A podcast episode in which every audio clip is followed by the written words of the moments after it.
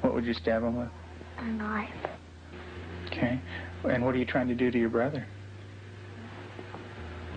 Kill him. Why do you want your brother to die?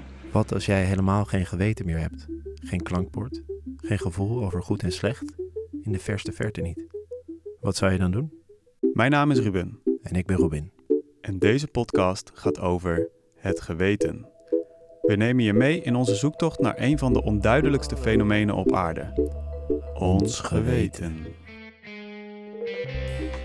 Een zoektocht door wetenschap, Het geweten is niet een op zichzelf staand iets. persoonlijke verhalen Fuck jou man, Je moet- ik moet niks. I didn't feel guilty about what I had done. Mijn, mijn geweten is eigenlijk wel hetzelfde als wat er in de Bijbel staat. en ideeën die ons uiteindelijk een indruk zullen Het is een geven. volstrekt waanzinnig idee. Als je dat zou doen. Baby's zijn dan een soort psychopaten. Psycho babies. Van dat grote, mysterieuze, abstracte en machtige mechanisme. Ah ja. Het mechanisme dat voor ons besluit over goed en kwaad. Frans, kunnen we ons geweten vertrouwen? Nee, ik zou het niet vertrouwen. Niet? Niet vertrouwen.